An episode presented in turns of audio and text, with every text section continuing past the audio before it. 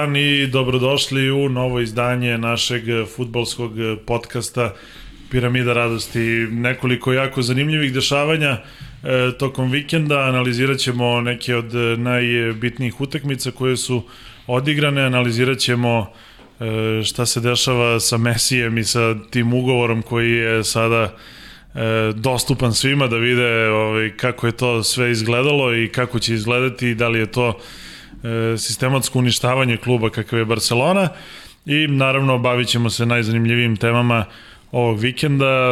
Pre svega, Vlado, da li si spreman za, za kviz? O da, ti? Pa vidjet ćemo večeras. Možda napravimo anketu ko će da pobedi između vas dvojice. I Pa zašto? evo, da, zašto? da, I evo, zašto? Tri Tri razloga. razloga. ne morate da šaljete mailove, ali možete da odgovarate uživo ovde ovaj, na, na našem kanalu. Ja sam objektivan da i neutralan i i hoću da pobediš ti. Znači, Da, da. zaista. Dobro, saznaćemo koliko večeras, do duše, ne znam kada će biti emitovan taj kviz, da E, li, ne znam ni ja da li smo na redu sutra da li ili u sutra, četvrtak. da li sutra ili u četvrtak, ali mi ćemo znati ko je pobedio. Ti baci na Twitter, valjda, niko neće znati. Osim ovih 2000 ljudi koji te pratili, koliko je već? Pet i po. Pet i po, izvini, molim te. U, sram te izvini, molim te. Slab sam sa brojevima, izvini. Dobro, e, odakle, odakle da krenemo? Hoćemo li da krenemo iz, iz Engleske, s obzirom da nije bilo e, toliko zanimljivih e, stvari u Premier Ligi, ali moramo da se pozabavimo bar dvema utakmicama, duelima Lestera i Lica, jer je Lic opet demonstrirao spektakularan futbol i I generalnim procesima to što su City i Liverpool počeli da pobeđuju. pa da, e, I Chelsea je pobedio. Zato što si oterao ovog čoveka. Tako je. E, dobro, e, da krenemo ajde od, od onih e, glavnih ipak od, od City-a i od, i od Liverpoola.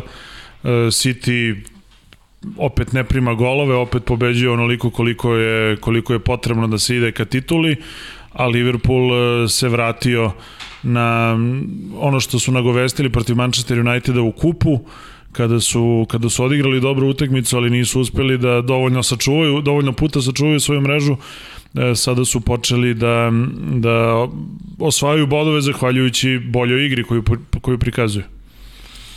Pa generalno od početka pričamo o tome, kada gledamo englesku sezonu, koliko god da zabavno deluje, zna se ko su dve najbolje ekipe u ligi i to ne može ni da bude sporno. Te dve ekipe su već dve godine dosta daleko od svih ostalih i verujem da će na kraju ove sezone imati onako lepu uh, pauzicu u odnosu na, na bilo koga treće plasiranog, uglavnom zbog toga što je Chelsea bacio pola sezone na usaglašavanje raznih stvari. Možda je on mogao da im zapreti u ovakvom stanju. City je zategao odbranu, City napred ne izgleda dobro, nisu izgledali dobro ni u ovim prethodnim utakmicama koji su dobili ubedljivo, jer je nad svakom bila neka senka sumnje, znate i sami šta se događalo. Protiv Sheffield Uniteda su dobili tesno, ali način na koji oni sada uspevaju da nateraju protivnika da im ne preti, uh, izgleda prilično impresivno. E sad vidjet ćemo koliko će to značiti u situaciji u kojoj će igrati zaista sa, sa relevantnim protivnicima.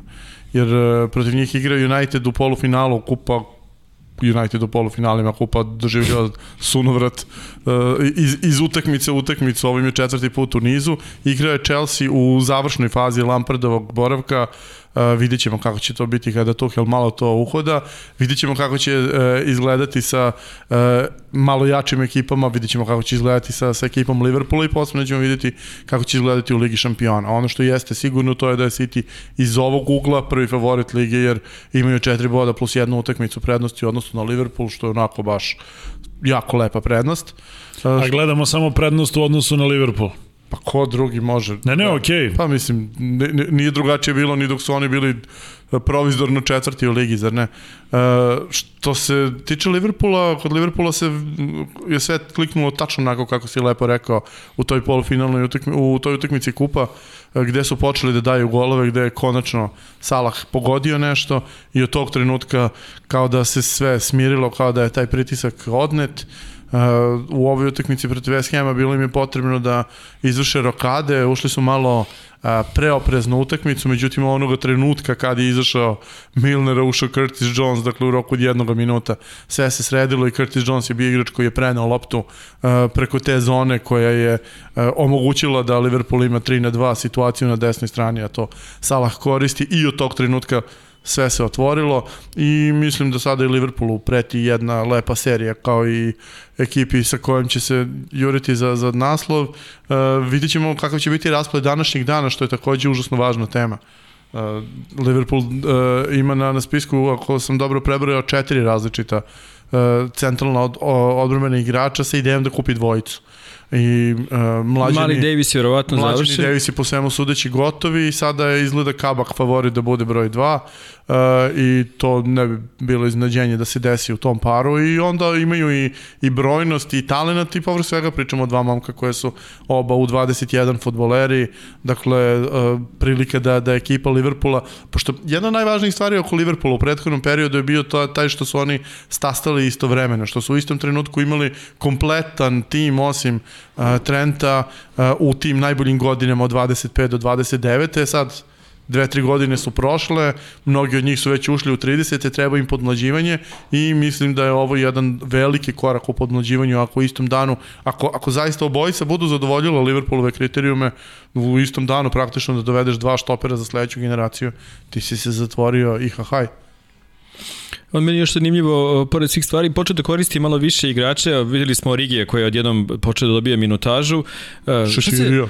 Dobro, sa Šačirijem nisam baš siguran koliko je dobro kao generalno pa ne, to što dobija. Šta znači dobro ili nije, ali, ali činjenica je da igra... Minutažu dobija, to niko ne Čak može da ospori. Čak i Ox počeo da igra, ali sa Oxom nikako da se nešto konkretno desi u ovom njegovom delu karijere. I dalje izgleda kao da nedostaje još dva meseca da bude spreman za futbol koji se očekuje od njega. Ali dobro, mislim, Liverpool ima e, širok izbor igrača koji uglavnom ne igraju što je odluka trenera pre svega. Generalna ten, tendencija u premier ligi čini mi se da ide ka tome iz prostog razloga što sećate se kako izgledalo posle 3-4 kola. Uh, Premier Liga bila najefikasnija u istoriji mm. svega. Uh, Premier Liga je sada uh, posle utakmice United Arsenal zglajznula ispod prošlogodišnjeg proseka. Dakle, za, za tih 13-14 kola od tog ludačkog starta. Uprko s utakmicama od 7-2, 5-4. Dakle, posle tog početka toliko brzo je se sunovratila da je otišla ispod prošlogodišnjeg proseka i uh, kogod gleda utakmice premier lige vide da ekipe uh, igraju u najboljem slučaju na negde 70%, zato što ovo već stvarno nije normalno.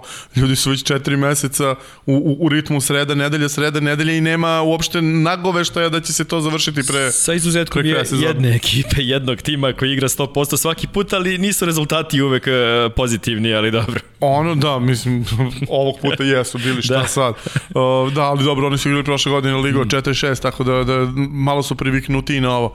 Ono što što zaista jeste fascinantno, to je na, taj način na koji uspevaju da, da, da se nose neki od tih klubova, pre svega mislim na Aston Villa mm. koja je nastavila da igra jednako dobro direktno iz pauze zbog uh, korone i svih ostalih problema, a isto tako i Leeds koji bez ikakve pauze i dalje igra ludački i dalje imaju isti ritam i to što kažeš, mislim, stvarno prave se kao da se ništa nije dogodilo. Ajde za Leeds, za, za Aston Villa ima puno razmišljenja o Jacku Grealishu i o tome da, da to što jeste može da bude samo u Aston Villa i da u svakom drugom klubu ne bi mogao da bude to što jeste i, i puno ljudi zaista veruju u to da on ne bi mogao da bude lider u Unitedu, u Arsenalu, u Chelsea-u i sad izaberi klub i to sve. E, činjenica, mislim, zaista de facto Grealish je sada zvezda premier lige, ako nije prvo, onda u top 3 sasvim sigurno i, i šta misliš? Da li bi mogao da bude lider? Da li bi pre svega dobio loptu na način kao što ima Kevin De Bruyne u Cityu, da on ima loptu u nekom drugom klubu? Zašto u Arsenalu recimo ne bi? Vidiš koliko ja sam ubeđen, ali, Smith ali, ima lopte. ali treba očekivati da će to biti 100 miliona transfer, da to neće biti jeftinije od toga. Tako. Zaista za engleske uslove. Pa besmisleno bi bilo. Ali ja, ja, ja bih lično najviše volao da Griliš nikad i ne ode iz Vile. Eventualno ono sa, sa 28, 29, 30 pa da uzme neke pare nekad velike, ali o, ovo mi je prvi nagoveštaj toga da, da Premier Liga može ponovo da se donekle vrati na situaciju iz 90-ih iz tog doba kada se podrazumevalo da igrači ostaju duže u klubovima, da igrači uh, da, da svaka ekipa ima po jednog dvojicu tih uh, marki futbalera kao što smo pre u NBA-u imali po jednu zvezdu mm. u svakoj ekipi, dve, pa, a onda su posle rešili da se svi, svi skupljaju u iste timove. E, o, ovo bi bilo, čini mi se, jako lepo, zato što kad imaš takvog igrača, onda ćeš lakše privući i ostali, onda ćeš napraviti kao uh, vila oko tog jezgra uh, čitavu lepu lepezu futbalera koji, koji mogu da igraju ozbiljan futbol.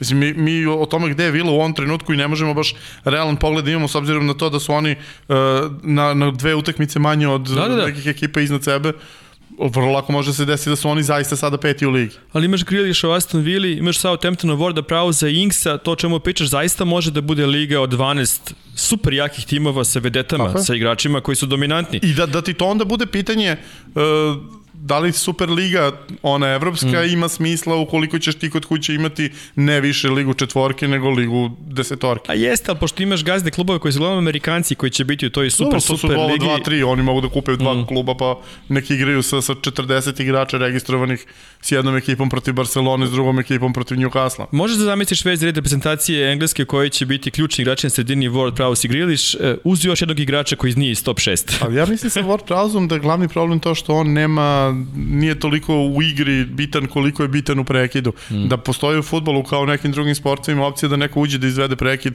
on bi bio, on bi sutra potpisao za... Ali kakav prekid Bayer. ti?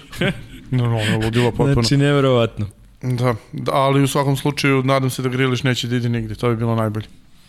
Uh, Arsenal i Manchester United su odigrali potencijalno najzanimljiviju utakmicu u kolu, nije bilo golova, nije bilo toliko nezanimljivo. Meni bilo super. Da, ali na kraju ni jedni ni drugi nisu bili dovoljno precizni da, da bi videli neki gol. I ranije smo pričali o tome da većina klubova kad igraju derbi igru, na, igraju na, na nulu, zaista, i, i to nije čak niko ni ne skriva u ovoj situaciji. Sad ova utakmica je malo čudna, s obzirom da zaista je bilo puno šansi. Nije baš da su se štekovali jedni i drugi.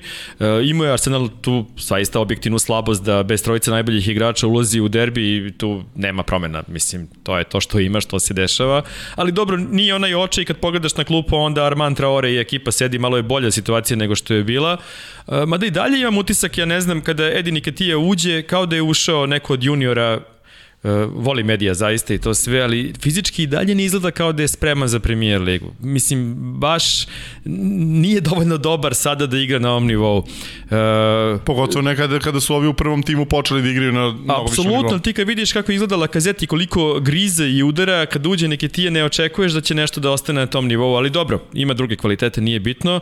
Uh, mislim da se on odigrao fantastičnu utakmicu u uslovima u kojima su igrali, da je moglo da bude, da je moralo da bude golova pre sve svega, da je odbrana odigrala majstravno, pritom odbrana Arsenala, jedan desni bek koji je maneken, drugi desni bek koji igra po levoj strani i još se zbunjuje sa tom ulogom u timu i Luiz i Holding e, zaista preko svih očekivanja su odigrali. Možda sa dve, tri onako konfuzne situacije, što je za Arsenal zaista ništa, mislim, za njihove standarde. E, trebalo da bude 2-2 po meni stvarno, ali ali u ovoj situaciji mislim da je veliki bod za Arsenal nastavak utakmica bez bez poraza i i ohrabrenje ove šesti meč za redom da da da Arsenal nije izgubio od od od Uniteda posle svih onih mučnih godina sa Sir Alexom Fergusonom, ovo je jedna velika velika epoha nova odnosa Arsenala i Uniteda.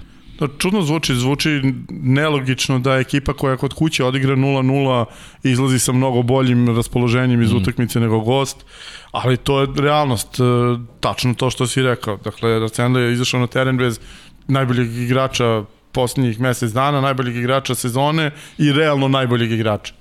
Dakle, sva trojica fale u tri... Koji najzad počeo da daje golove. u, u tri linije, uh, ključni igrači, potpuno poremećen ritam na, na, na svakom delu mm. terena. Međutim, prvo polovreme Arsenalova odbrana, ja mislim da je on najbolja defanzivna utakmica bila, najboljih defanzivnih 45 minuta koji sam ikad video. Činjenica. Ovo je... Za Arsenal svakako. Ovo je bio nivo, nivo kojih se Mourinho iz svog prvog mandata u Chelsea ne bi postideo, bukvalno skidali su lopte, dobijali duele, stizali kada su korak iza i onda je kruna svega toga bilo ono Luizovo. Ali opet imaš i Martinellija koji je briljirao u odbrani, Džako koji je odigrao polovreme sezone, partija ne, koji nije pogrešio prvo polovreme. Ne mislim na njih četvoricu, mm. mislim na generalno kako je Arsenal pristupio utakmicu u prvom polovremenu. U prvom polovremenu United imao i mnogo više lopte i mnogo više napadačkog e, plana i čini se da je, da je način na koji je Arsenal ušao u drugo polovreme zapravo odredio utakmicu jer je potpuno poremetio United do tih 5-6 minuta. Ovi nisu znali šta se događa uh, i, onda do kraja samo bilo pitanje da li će ovi uspeti sebi da, da daju novi autogol kao kada su napravili mm. penal na, u, u, u, na, na Old Traffordu i omogućili Arsenalu da odnese bodove. Dobro, to je bio jedini jadu da Pogba napravi isto to što je napravio Neko, prošli put. Pogba ili kogod. uh, mada, mada je Pogba sada igra sa mnogo više yes, svesti, ali zato je drugi kandidata bilo koliko hoćeš. I čini mi se da uh, gotovo da ne može se nađe dobra stvar oko United. United jeste imao dva totalna uh, zicera, dakle post, prosto mm. neverovatno da je igrač na mnogo nižem nivou od Kavanija promaši ono što je on, on promašio dva puta. Uh, United imao dva zicera u prvom polovremenu preko Rashforda koji nije šutno ni iz jednog od njih ili dodao kod onog prvog na vreme, ali uh, utisak je da je način na koji je uđen na utakmicu i to je otprilike redka situacija da možeš sa kinom da se složiš skroz.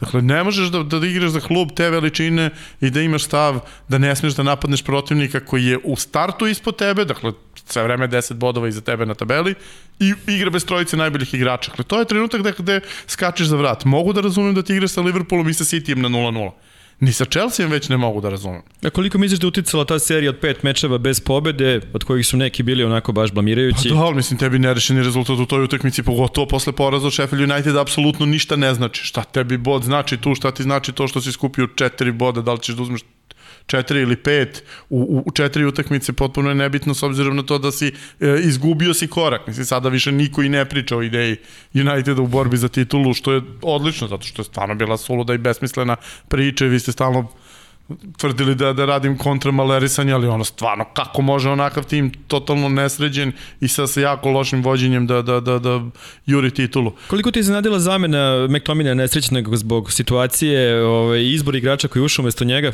Pa, a, mislim, to je dosta nekako gurnulo utakmicu e, na drugu stranu. Ja, ja, ja mislim da, da je to bila posledica toga što je Ole video u prvih 25 minuta šta se dešavalo, s obzirom na, na, na to da je uh, Rashford videlo se odmah, da je potpuno dekoncentrisan, da nema pojma šta se dešava na napred i da je bilo neophodno smisliti neku drugu aveniju da bi se učestvovalo uopšte u napadu, jer da je ostao Rashford napred, da je ušao Matić kojim slučaju umesto McTominay, verovatno da ne bismo videli ni jednu šansu uopšte tokom celog prvog polovremena tako mi je izgledalo. A onda ko zna kako bi se razvijalo i drugo polovreme. Ovako se bar otvorilo nešto, preko Marcijalove strane se dosta toga događalo u, u prvih 45 minuta, u drugom delu prvog polovremena i na početku drugog United sve što je napravio, napravio je tako. Uh, jeste malo čudno kada, kada su Van Bisaka i Shaw, M su bekovi, M jedan od njih, odnosno obojica su u suštini uh, Teles je doveden da bi neko igrao ofanzivnije od mm. Shoa, a sa druge strane Van Bisaka znamo koliko ima problema napred, ali su oni stvorili najbolje šanse i to jeste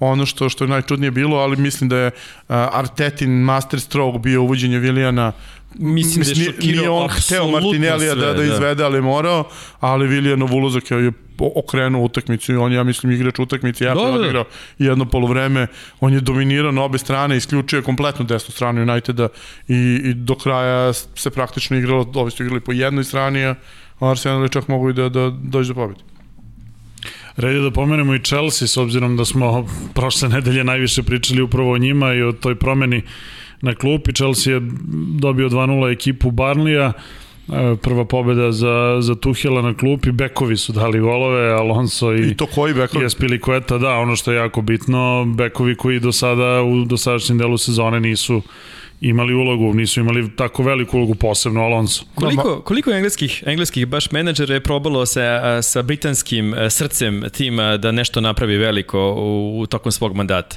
Seća se Wengerovo velikog plana sa, sa britanskim jezgrom, sa ugovorima koji se potpisivaju sa svim. Svako je probao, samo je Ferguson uspeo da toga napravi nešto ozbiljno. I... Ali i to samo zato što su klubski igrači, zato što su ih sami razvili. Pa dobro, i u Arsenalu su bili skoro Pa svi klopski, ali, ali malo je simptomatično baš da napraviš rez tako da što zameniš e, bekovski par sa sa drugim igračima, mislim baš je jedna zanimljiva sama po sebi. Za Alonsa da zna da da gol, da zna da igra u napadu, to svi znaju. Ima drugi problem koji je takav kao što jeste, ali sad verovatno neće otići danas nigde, ako mogu da kažem to.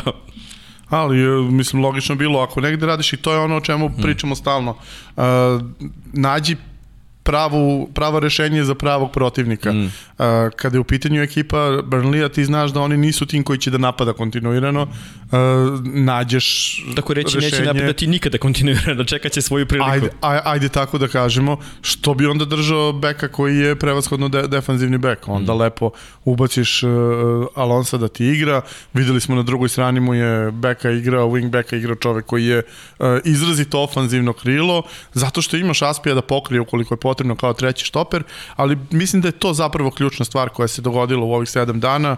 Uh, Tuhil je pronašao prvu uh, strukturu tima koju želi da gura, dao je sebi stabilnost korišćenjem ove dvojice na sredini, dao je sebi stabilnost i za korišćenjem njih trojice, dao je uh, uh, opciju da, da, da se drugačije napada po desnoj strani i sada ćemo videti kako će inkorporirati sve svoje igrače i koliko će menjati od utakmice do utakmice. Ono što se svakako nadam da će raditi, a to je da prilagođava protivnicima no, non-stop taktiku, zato što ovaj Chelsea može da igra 3-4 različita načina i uh, ovo je jako lep početak i nadam se da će se razviti u, u, u onaj tim koji Chelsea zaista može da napravi. Ja ne, ne mislim da sada Risa nećemo gledati. Gledat ćemo ga sigurno u utakmicama u kojima će igrati protiv ekipa koja će pretiti. Sigurno neće Hudson Odoja da, da, da opterećuje time da, da, da se brani. Koliko je na to što je Lampard radio i što insistirao na, na, na engleskim igračima e, problem bilo to što u isto vreme razmišlja reprezentacije engleske? Što razmišlja o tome da razvije igrača za reprezentaciju? Što hoće da Chelsea ima, ne znam, pola reprezentacije engleske? Ne može da to ignoriše. Mislim, jednostavno takva mu je uloga u engleskom futbolu. Pa meni je to onako poveliki problem kada je u pitanju i Lampard i bilo ko, jer nije njihova dužnost da se bave time. Super ali je, ne možeš da ignorišeš tu situaciju. Ja, ja, to, to mi je stvar koja me užasno podsjeća na ovdašnje priče. Apsolutno. Zašto se srpski klub ovaj ili oni ne razvijaju igrače za reprezentaciju? Što klubu nije posao da razvije igrače za reprezentaciju, zato što ni struktura uh, sportske ekonomije nije organizovana tako da ti razvijaš igrače za svoju reprezentaciju, nego taj igrač treba da ode negde drugde gde će da igra za odgovarajuću platu, a ne o tvom klubu, a ti ćeš onda da dovedeš ono što možeš ili moraš da dovedeš. To je ono čuvena priča o kvotama broja mm. igrača, stalno se priča o tome. Meni nije jasno zašto ovde veliki klubovi ne spreče futbolski savez da ograniči broj igrača, jer je to najgora moguća glupost koja igde postoji u svakoj zemlji gde je uvedena kvota broja stranaca, svuda je uništila domaći futbol i svuda je futbol mora da se oporavlja od toga. Uh, jer jer uh, to što ćeš ti naterati nekog da držiš futbolere, to ne znači da će to biti dobri futboleri. Ne pravi se tako reprezentacija, ne treba ti, tako ni Englezima. Englezi stalno kukaju o tome kao mi imamo 35% igrača u domaćoj ligi. Super, 35% uh, igrača u engleskoj ligi je nekih 175 futbolera. Šta nemaš od 175 futbolera da nađeš 25 koji će da budu vrhunski? Pa znam, ali mislim da je veći problem pravi sad ovo što rade Nemci, što im uzimaju igrače kao klince, što od njih prave super zvezde koje vrede 30, 50, 100 miliona i to im smeta. Smeta im taj novac koji, koji neće ostati To je jedan nivo, a, a druga stvar je što igrači koji odu u Bundesligu pa budu tako razvijeni, svi po redu ostanu poluproizvod. Mm. To, to je čini mi se veći problem. Pa ostanu uh, finalni proizvod, ali ne za englesku ligu. A, pa da, da, da imaju jasno ograničenje. I, i, i čini mi se da, da je to nešto što, što će biti problem u, u, u dobu koje dolazi jer Nemci su samo prva nacija koja je uspela masovno da dovede engleske mlade futbalere. Ja verujem kada bude došla a, situacija u kojoj će a, i neki klub u Španiji moći to da uradi i neki klub u pa, Italiji moći to da uradi. Dobili su Klinc Arsenala Valencija koji ima veliki početak iskreno nije baš skroz englez, pošto je e, miksovan, bit će amerikanac na kraju verovatno, ali već radi i drugi koji mogu da ponude uslovi igre i futbol. Znaš da je bilo oni par engleza koji otišli u Barcelonu pa nisu uspeli niko od njih iz Arsenala, na primjer, kao recipročna mera oduzimanja igrača Barcelona. Da. Sa, sad je krenuo taj veliki trend masovnog odloženja i trenera i raznih drugih mm. ljudi. E, Engleska je u jednom e, startnom problemu. Zato što svi mi ostali na svetu moramo da naučimo engleski. Englezi ne moraju da nauče ništa i, nažalost, veliki broj njih ostane na tome da nijedan drugi jezik nikad ne savladaju i to ih silno ograničava ako treba da pređu bilo gde, jer moraju da žive na drugom jeziku. Ok, naravno svuda svi znaju engleski i obraćaće im se na njihovom jeziku, ali nije to isto.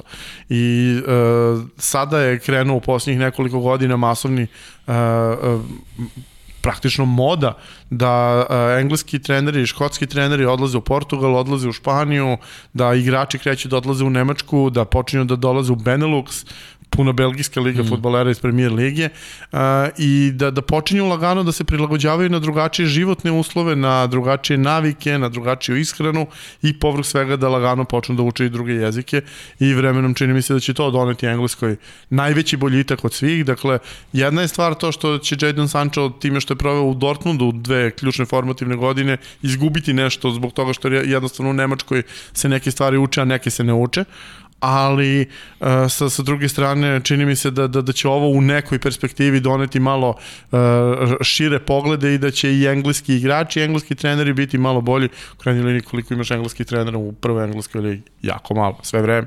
Mislim da si definisao jedinu pozitivnu stvar ere Borisa Johnsona sada kroz mm. ovaj tvoj monolog. omogućio da ljudi vide sveta. pa pazi, to, to nije pitanje Borisa Johnsona, to je krenulo pre njega, to je krenulo još za, za Terezine vladavine, a realno je bilo problem čak i za, vreme Tonija Blaira. Dakle, sigurno pre 15 godina je već postojao taj problem što Englezi nigde ne idu napolje zato što oni nisu prilagođeni da idu napolje. Dakle, ne zato što ne žele ili ne zato što... Jer ti kad imaš igrača koji igra u prvom timu Aston Ville, eh, on sigurno može da igra u prvom timu i ono 12 klubova u Španiji i Italiji ali ne ide tamo zbog toga što što zna da da tamo će biti drugačija kultura i A i manje para. Pa, pazi, pitanje je da li bi tada bilo manje para. Mm. Sada jeste, sada je ogromna razlika. Ali pre nekih 15 godina nije bilo. Mm. Pre 15 godina se, se dešavalo da, da, je, da, da tamo može da se zaradi u nekom osrednjem klubu isto kao i ovde. Naravno, oni najsiromašniji su i tada tamo bili mnogo siromašniji nego u Engleskoj, ali uh, gornja polovina lige cela je zarađivala jako lepo.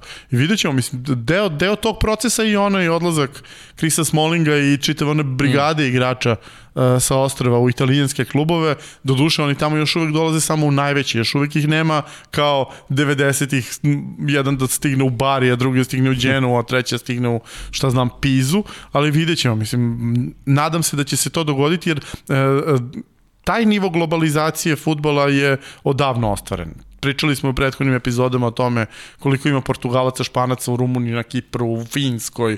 Uh, I svi su svuda, i Nemci su sada stigli masovno u Englesku, kroz trenere, kroz igrače, samo još Englezi treba masovno da odu i onda ćemo moći stvarno da pričamo o tome uh, kako se izvlače utica i sa svih strana na sve strane. Ajde da se posvetimo Argentincu u, u Yorkshireu i, i utakmici kola i meču Lestera i Lica, gde ima e, dve faze lica. Manje više, srce je uvek isto. Lic uvek igra 100%, samo što neki put 100% je bolan poraz, neki put je tih 100% spektakl i pobjeda. E, dobili smo najbolji lic u, u meču sa, sa Lesterom ok, okolnost je da, da bez Vardija uh, Leicester ima problem jednostavno da nametne uh, da su dominantni protiv bilo koga. Lice odigrao u transu celu utakmicu zaista. I opet dobili smo jedno pitanje baš na mail, mislim da je Darko postavio pitanje za učinak Bamforda u poslednjih nekoliko mečeva.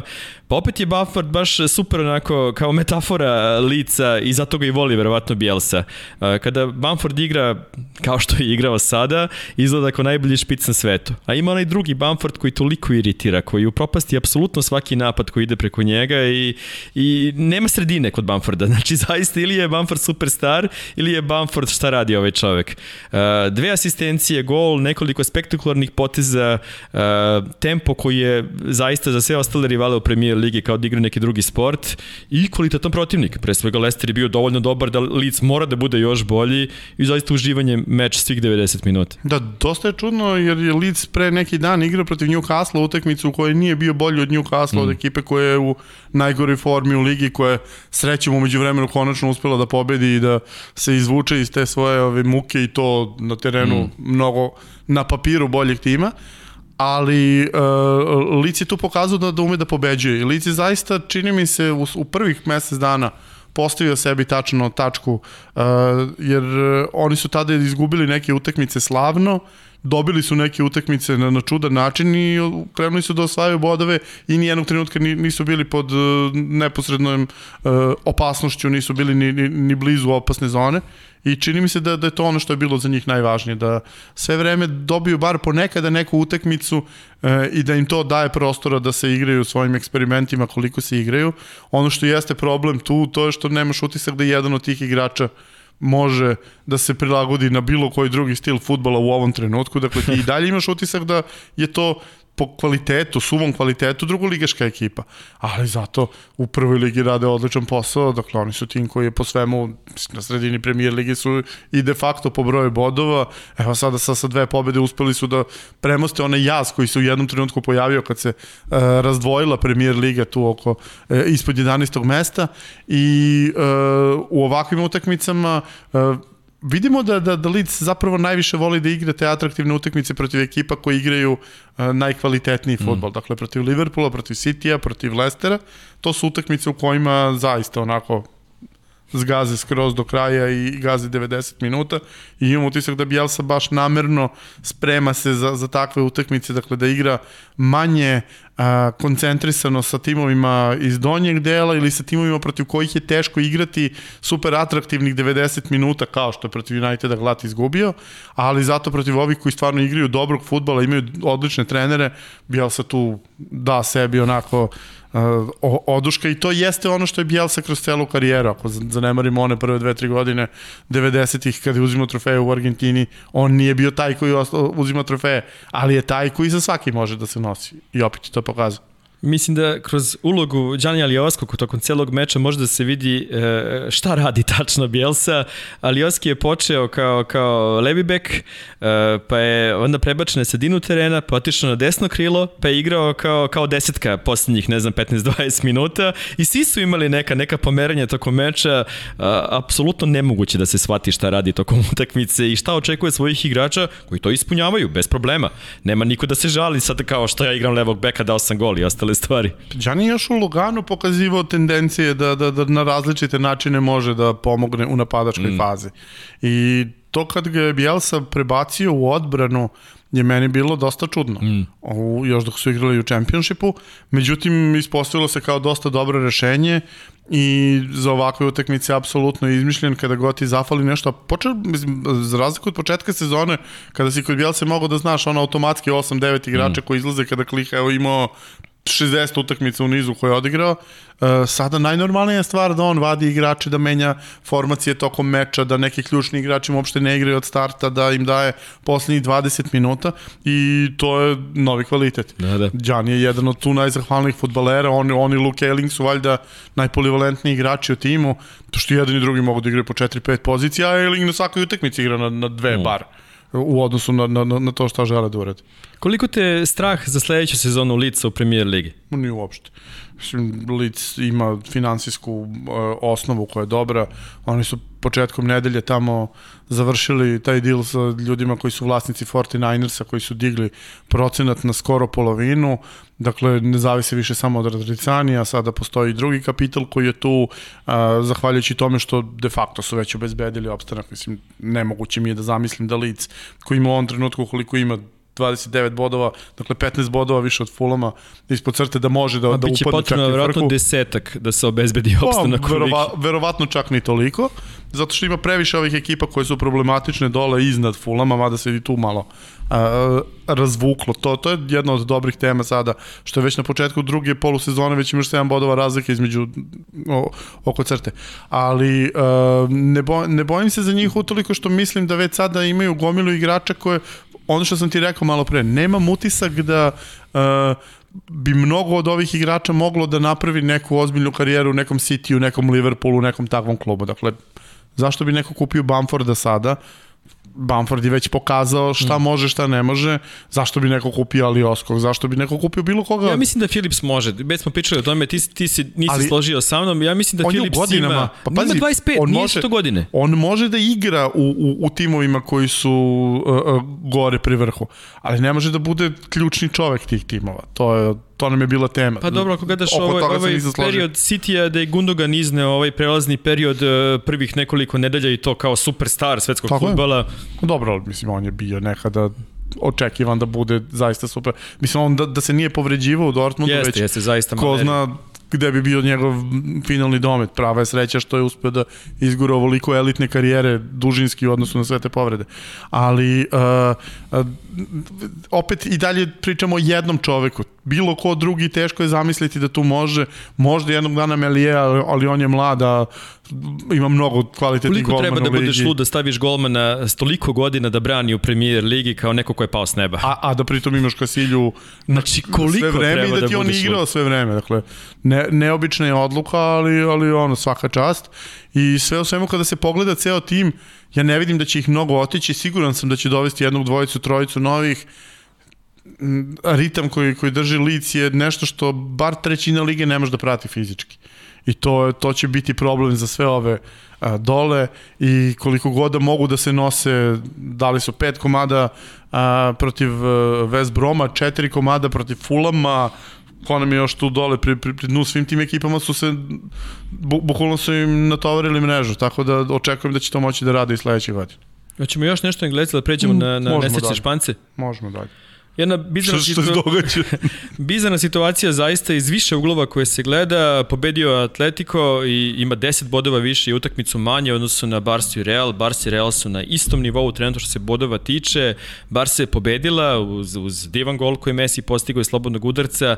Real je izgubio od Levantea, već sam pričao da je Levante jedan, jedan, jedan moćan tim, nezavisno od ove situacije. Još jedan meč bez Zidana na klupi, e, ali sve to je bilo u senci onoga što se desilo pred meč Barcelone, E, Bartomeu, bivši predsednik e, Blaugrane, kaže da nije on, samim tim je prvi krivac da je to uradio. E, neko je pustio detalje ugovora koje je Messi potpisao 2017. godine sa svim detaljima finansijskim, koliko para, zašto i to sve i to ljudi tumače na načine koje ljudi tumače stvari kada su pare u pitanju. Praktično neko stavio metu na, na, na Messijevo čelo da je on kriv što je Barcelona dužna milijardu i 300 miliona u ovom trenutku, što de facto nije tačno pre svega.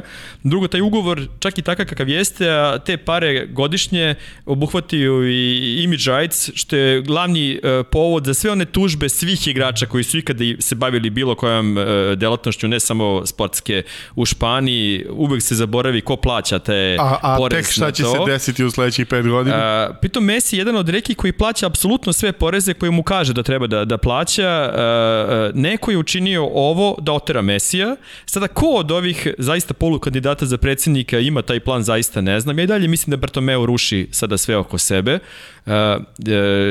otišao je Darko, ima, ima utakmicu koja ga čeka, ali u pripremi ove emisije da, ja sam... Darko se sam, znači čisto da objasnimo ljudima šta se događa.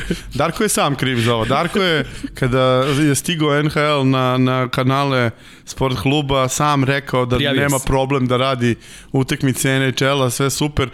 I danas nema NHL, odnosno biće, ali ima ko da radi, nego ima odličan KHL, tako da eto Darka na, I rekao mi je da svoj Dinamo plan, Moskva, svoj plan da se, mu.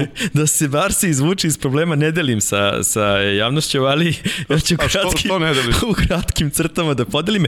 Već se dešavalo da jedan klub Slavan bio u velikim finansijskim problemima koji su prevazilazili, prevazilazili moći da se taj dug vrati i predsednik je smislio... 100 Predsednik je smislio način kako da se klub izvuče, promenio je delimično ime, promenio je delimično sve, kupio drugi klub, u stvari imao ga je već, i rešio je taj problem, tako da i Barsa ima problem i zna se ko treba da bude predsednik e, Barse da bi izvukao klub iz tog problema. E, izbori su inače u martu, početkom marta i učinili su dve velike stvari, omogućili su prvo da svi stariji i manje pokretni ljudi glasaju od kuće, pod Čemo jedan. Da, da pošaljemo svom bivšem kolegi ovaj predlog. I druga, druga stvar, omogućili su se glasa poštom. Zbog čega je to bitno? Barsi ima 130.000, na primjer, članova koji mogu da glasaju. Na prošlim izborima, kad je Bartomeu pobedio, glasalo je manje od 50.000. Ovo što su omogućili sada, već može da glasa, a da ne dođe na biračko mesto skoro 40.000. Znači, već su obezbedili taj broj ljudi koji je Bartomeu znači, bio. Spre, spremaju se Atlanta i Filadelfija. E, sada ima samo jedan ozbiljan problem za koga glasati. Znači, e, katastrofa je izbor. Ja ne znam, zaista, izbor svaki je loš. U ovoj situaciji e, font i dalje govori da, da, da je budućnost Mesija u klubu, mislim da to nemoguće zaista nemoguće. Laport je krenuo u žestoko, žestoko obračun sa, sa, sa svima praktično, i sa Bertomeom, i sa Perezom, i sa svima, što je opet taktika koja ne donosi rezultate. Možda, na primjer, specijal šta će biti za Barcelonom, ovo je nerešiva situacija. Mogu da vidim samo da, da Katalonija kao, kao, kao regija, kao recimo država, jednom, možda nikad, e, stane iza Barcelone da se napravi neki samodoprinos da se Barca izvuče, što je opet problem koji, koji će uticati posle na sve. Mi mislim ali... da su oni sve, ne da su vezali ruke, nego da su zakucali sebe, okovali su sebe za dno bunara onim što su uradili pre neku godinu kada su bez ikakvog razloga krenuli u, u kampanju nezavisnosti i sada mislim da više nemaju nikakve ni oni opcije. Pa, pazi. Ali bilo slučajeva da klub na ovom nivou no, no. nema nikakvo rešenje?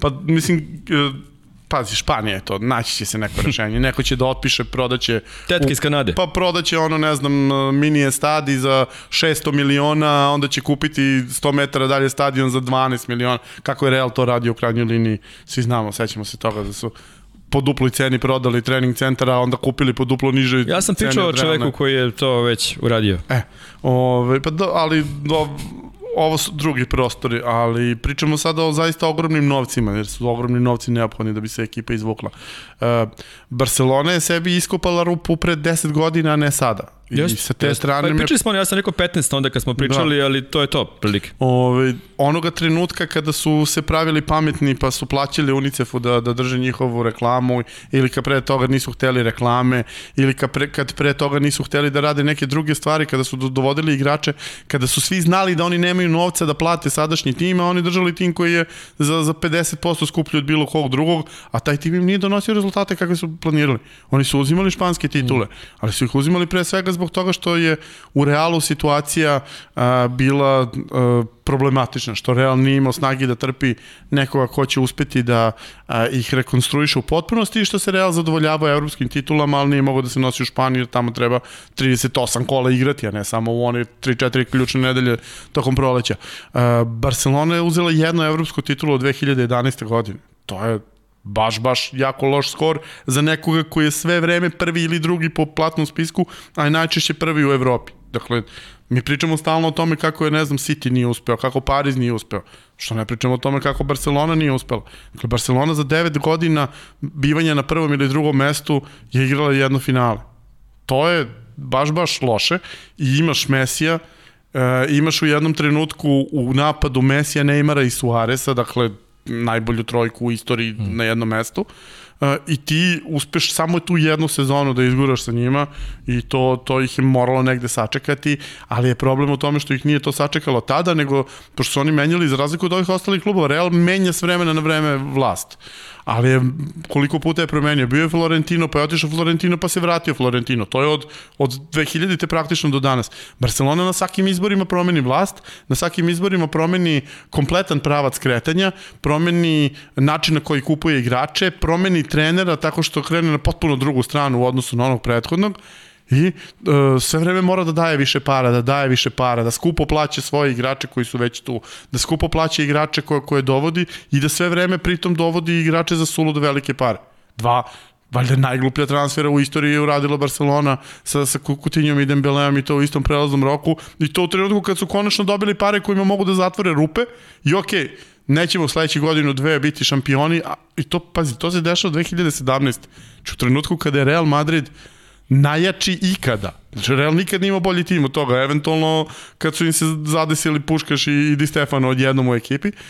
I ti u tom trenutku umesto da kažeš ok, sad će oni dve, tri godine da uzimaju nešto, ali ćemo mi da e, izgradimo novu ekipu i da ih napadamo, mi oni su, su insistirali na tome da se sve to potroši i na sve to poslednjih 7-8 godina kako im radi omladinska škola, a ona im je bila ključ i osnova svega i 90-ih i nultih i, i praktično do, do te 2011. godine dok je sve radilo kako treba. Dobro, to je lep uvod u ono što si takođe hteo da pričamo, to je šta se dešava sa kadrovskom politikom u Real Madridu i sa igračima koji nisu dobili šansu u klubu, dovedeni su da budu ja, zvezde. Kod, kod Reala su pro, problemi uglavnom u igračima koji dovode sa strane, a onda im ne daju šansu. Ali pazi, to nisu igrači od 200 miliona, on dovede igrača za koliko, 18-20 miliona se valio. para, niko ne pravi Edigon stvari. je došao kao tinejdžer i tako dalje. Dakle, ne, ne pravi gluposti oko para. Oni su svoju školu naučili, država je odradila bailout u najekstremnijem slučaju, ali uh, sada je situacija već takva da uh,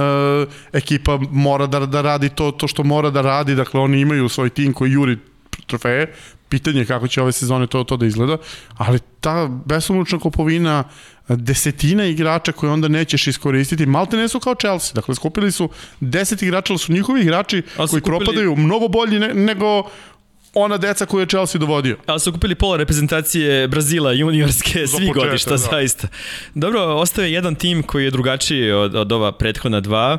Uh, ostaje Čolo bez desne ruke, koji je želio se, da se posveti svom samostalnom radu. Uh, da li je Iku u Barceloni mislio da će Luis Suarez da propadne kad je otišao iz Barcelone? Da li je čak i ono kad sede u kafani i pričaju kao je sad ćemo da pustimo Suareza, on je bivši igrač. Da li je Iko to ono čak i u, u kafani mogao da pomisli da kaže?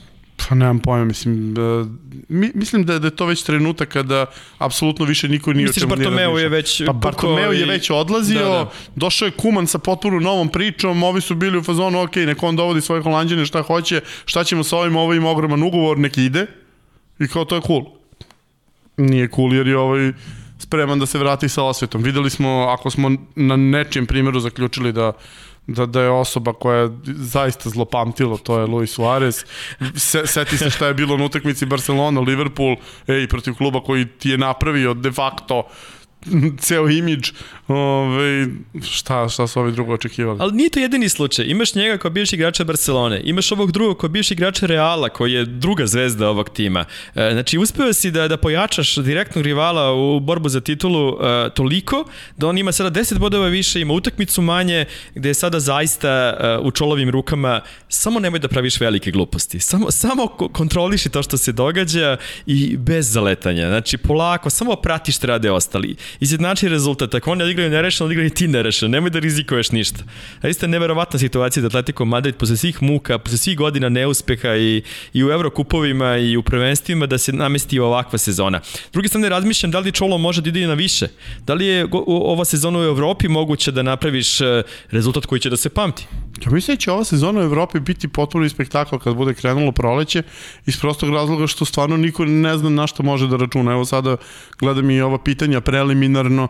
Uh, Paris Saint-Germain izgubio od tima u zone ispadanja. Ali to je očekivano. Pa takve stvari će A. se dešavati. Vidimo Bayern isto malo malo pa odigra neku užas utakmicu, pa onda dođe odigra super utakmicu. Recimo super, tukli su Hoffenheim koji ih je ubio u, u jesenjoj polosezoni na utakmici na kojoj Hoffenheim imao veći expected goals eto, dešavaju se i takve stvari. Uh, niko nije u stanju da drži kontinuitet. Uh, u Premier ligu smo absolvirali svake, svake nedelje pričamo o tome, dakle, svi imaju svojih 5 minuta, pa nečijih 5 minuta traje duže nego ovih drugih, ali ti nemaš pogleda kakav je Juventus, pogleda Inter šta sebi dozvoljava, evo juče su konačno prekjuček odigrali utakmicu koja je skoro pa savršena, dakle Benevento nima ni jedan šut na gol za 90 minuta to ćeš redko videti. Dakle, imaš situacije kao uh, utakmice Spursa uh, kojima imaju 0.05 uh, XG, ali ovaj, to je zbog filozofije i, i raznih drugih problema.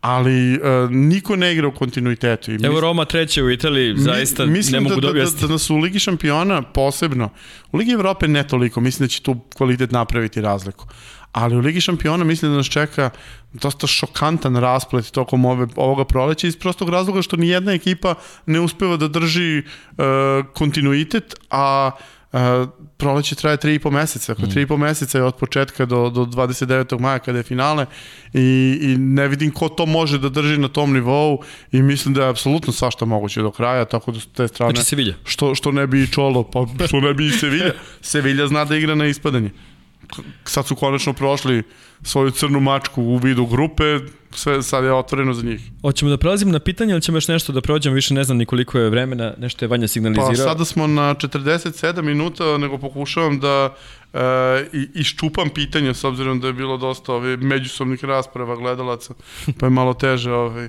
ući u sve tu. E, dobro, e, tema je, koliko sam shvatio, jedna bila Ancelotti. Ovaj. Da li se pita nešto o Ancelotti u, u Evertonu? O, o tome je jedna od glavnih rasprava. Ma dobro, ali ako postoji neka osobina Ancelotti, a to je da je nevjerovatni diplomata. Tako da uh, pita se kada je potrebno da se pita, a pušta druge da odlučuju kada je to odgovarajuća situacija. Sada, bez obzira na neke super rezultate, neke super pobede, ne treba gubiti iz vida da si u klubu koji je u senci ovog drugog tima celog života i da promena mentaliteta je jedan složen proces koji, koji ne može da se obavi oko od nekoliko meseci i da bez obzira na golove Calverta Luina, on i dalje Calvert Luin i da Rodriguez, bez obzira koliko je talentovan... Luin nije dao gol dva meseca. Bez obzira koliko je talentovan, e, postoji razlog zašto nigde nije mogao da bude ključni igrač e, u svim velikim klubima u kojima je bio I, I treba biti onako strpljiv sa Evertonom, da, da pre svega treba staviti šta je domet Evertona u ovoj sezoni i dokle mogu da, da odu. E, svakako će da gazde pojačati klub za sledeću sezonu još više i da će biti još bolji tim, a sada mislim da je, da je ne znam, Evropa sasvim dobar domet za ovu sezonu. A reci mi, ovaj, jesu ispali Fulham, West Brom i Sheffield United? Pa ne znam. Mislim, ovo sa Fulhamom baš je čudna situacija. E, Scott Parker posle onih par konferencija za medije sa, sa miksovanjem uh, strica mi je postao mnogo simpatičan. Ne volim što ne igra Mitrović, ali e, nešto se desilo. Igrao je sad šta hoće. Ne, ne, ne volim što je ovaj ceo period bez njega obavljen da, ta tranzicija i poboljšanje pre svega odbrane i sredine terena, ali, ali čini mi se nešto dobro se dešava, nešto dobro ide. Mislim, izgledaju kao ekipa povremeno i, i sačego bih malo sa procenama da li su ispali iz ligi. A ovo drugo dva? Pa dobro za Albion, ja stvarno očekujem da će Big Sam neku svoju magiju da demonstrira u prelaznom roku ovih nekoliko sati koliko je ostalo do kraja i, i da će dovesti tri nepoznate igrača koji će meni dati po 10 golova do kraja Meni je to najveće iznenađenje celog januara jer West Brom praktično ništa nije kupovao letos i zaista je delovalo ako su već doveli Big Sama da će dovesti 3-4 njegova mm.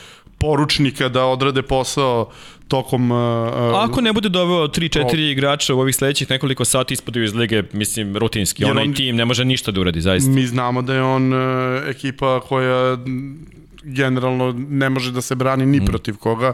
Ove, definitivno bez njega bi bili u ozbiljnom, bez ozbiljnih pojačanja bi bilo baš problematično. A za Sheffield ne znam što da kažem, to je najmalerozniji tim lige, zaista. To što su oni izgubili i koliko su imali nesreće u svim situacijama, to niko nije imao toliko malera, zaista. Mislim da zaslužuju mnogo više bodova nego što imaju sada. E, sada, ko će najzad početi da daje golove u Sheffieldu, zaista je teško reći. Mislim da je Meg Oldrick preko svih očekivanja postigao golova do sada. Da li će Brewster ikada učiniti nešto, to je pitanje svih pitanja. No, to, to jeste njihov problem što je prošle godine kada im je išlo napadači im nisu bili ono što je moglo da im garantuje. Uh, City, da li će ići na X na Anfieldu, da će izvesti Rodrija Fernandinja i Gundoana u veznom redu? Pa dobro, sada nisam siguran uopšte da, da, da takve stvari, stvari planira Guardiola. Mislim da on izvodi taktiku sada. Pa dobro, dosta je prihvatio od Murinja, čini mi se od Murinjeve vizije futbala u ovom trenutku, u ovoj sezoni Guardiola i čak se i prilagođava protivniku, što je ranije bilo baš nemoguće. E, izvešće tim koji će biti odgovarajući trenutku, da li će ići na bod? Mislim da neće. Mislim da neće. Mislim da u ovoj situaciji sa ovakvom igrom Gudnogana i, i s nadom da će se oporaviti i da će početi špicevi da igraju to što se očekuje od njih, da, da je sve moguće stvarno. Sad igra, sve vreme igraš bez najboljih igrača, e, to je jedna posebna situacija, ne znam, mislim da, da, da pre svega mislim da odbrana ima, ima u sebi kapacitet da postiže golove, što se još nije desilo e, na nivou koliko je to potrebno. Mislim da i Ruben Dijaš i, i, i kogod da igra pored njega, i Stones i, i Laporte mogu da daju golove više, zaista puno više, posebno u prekidima. Um, koga očekujemo na klupi Reala sledeće sezone? Pa dobro, sad ako želiš da napraviš grandioz, grandiozan rez e, na svim nivoima, onda pretpostavljam da zoveš e, malog Nemca da, da napravi revoluciju. A sada, Naglasmana. u toj situaciji, da li će iko imati strpljenja da sačekaš godinu dana učenja drugog futbala, nisam siguran. Imaš drugog Nemca, starijeg Nemca, koga ga dovedeš, garantuješ jedan... Kojeg?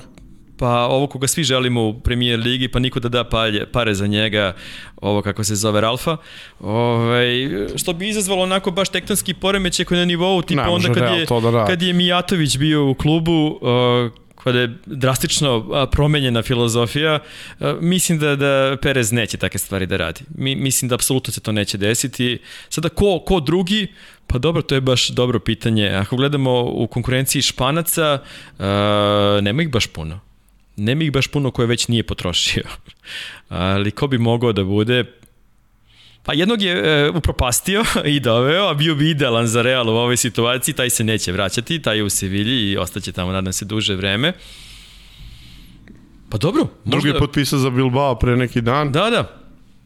Nema, mislim da mora da bude stranac. Mislim da nema više prostora za... Pritom e, nema više Poketina kao opcije, e, nema više ni Tuhela kao opcije, pa dosta je smanjen delokrug.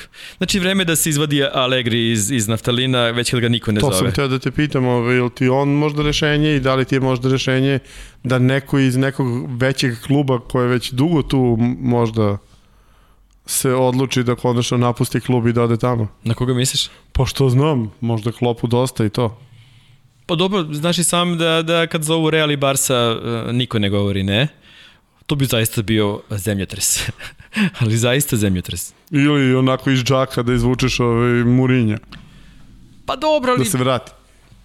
Opet, da, da završi posao. Opet ti međuljudski odnosi, jedino ako bi otišao Perez. Znači, to mogu da, da zamislim. Nisam siguran da ima, ima mesta za, za dijalog. Mada opet, ako neko može da obrne celovu situaciju, to je predsednik Reala, zaista.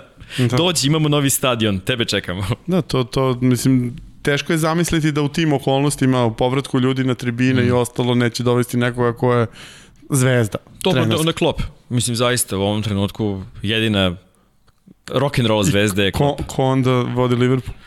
Dobro, sad ti e, praviš tu jedan matni napad, mislim da, da Gerard još nije spreman da preuzme taj teret koji će da mu se sruči na leđa, mislim da mu, da mu je potrebna bar još jedna godina. On, on, on mora prvo da, da stavi sebi u glavu šta je uradio tamo, jer ono što je uradio je Mislim da jako pre velik. svega treba da shvati da on nije legenda Liverpoola i da ga ne zovu zbog toga i da nema nikakve veze sa Liverpoolom, da ga da dolazi kao uspešan trener koji je napravio revoluciju u škotskoj ligi i uništio Celtic na, na dugi niz godina.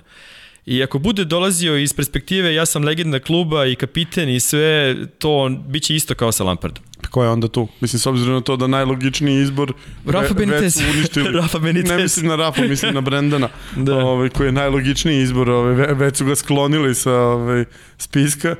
Pa dobro, sada kad pričaš, uh, imamo Hasan Hitla, uh, imamo Rozea, Rosea, ima, znači, mislim pre svega Nemci i Austrijanci, svi koji su prošli isto školu, mislim da ne, nema, nema treće opcije, čini mi se jer to je taj futbol, mislim pre svega. Ne vjerujem no. da će biti neki grandioznih uh, rezova što se tiče kako igra Liverpool. Misliš da, da kad odu Salah ima ne, pošto je to već viđeno i... A misliš da će obojice da odu? I kada kupi Mbappé-a, što su nas pitali... Pa, pa dobro, svako bi bilo da kupi Mbappé, ali misliš da će obojice da odu? Ja ne verujem da, je, da postoji mogućnost da odu obojice. Misliš da, da će birati? Ko, koga će da biraju? Pa ja bih proto Salaha odmah.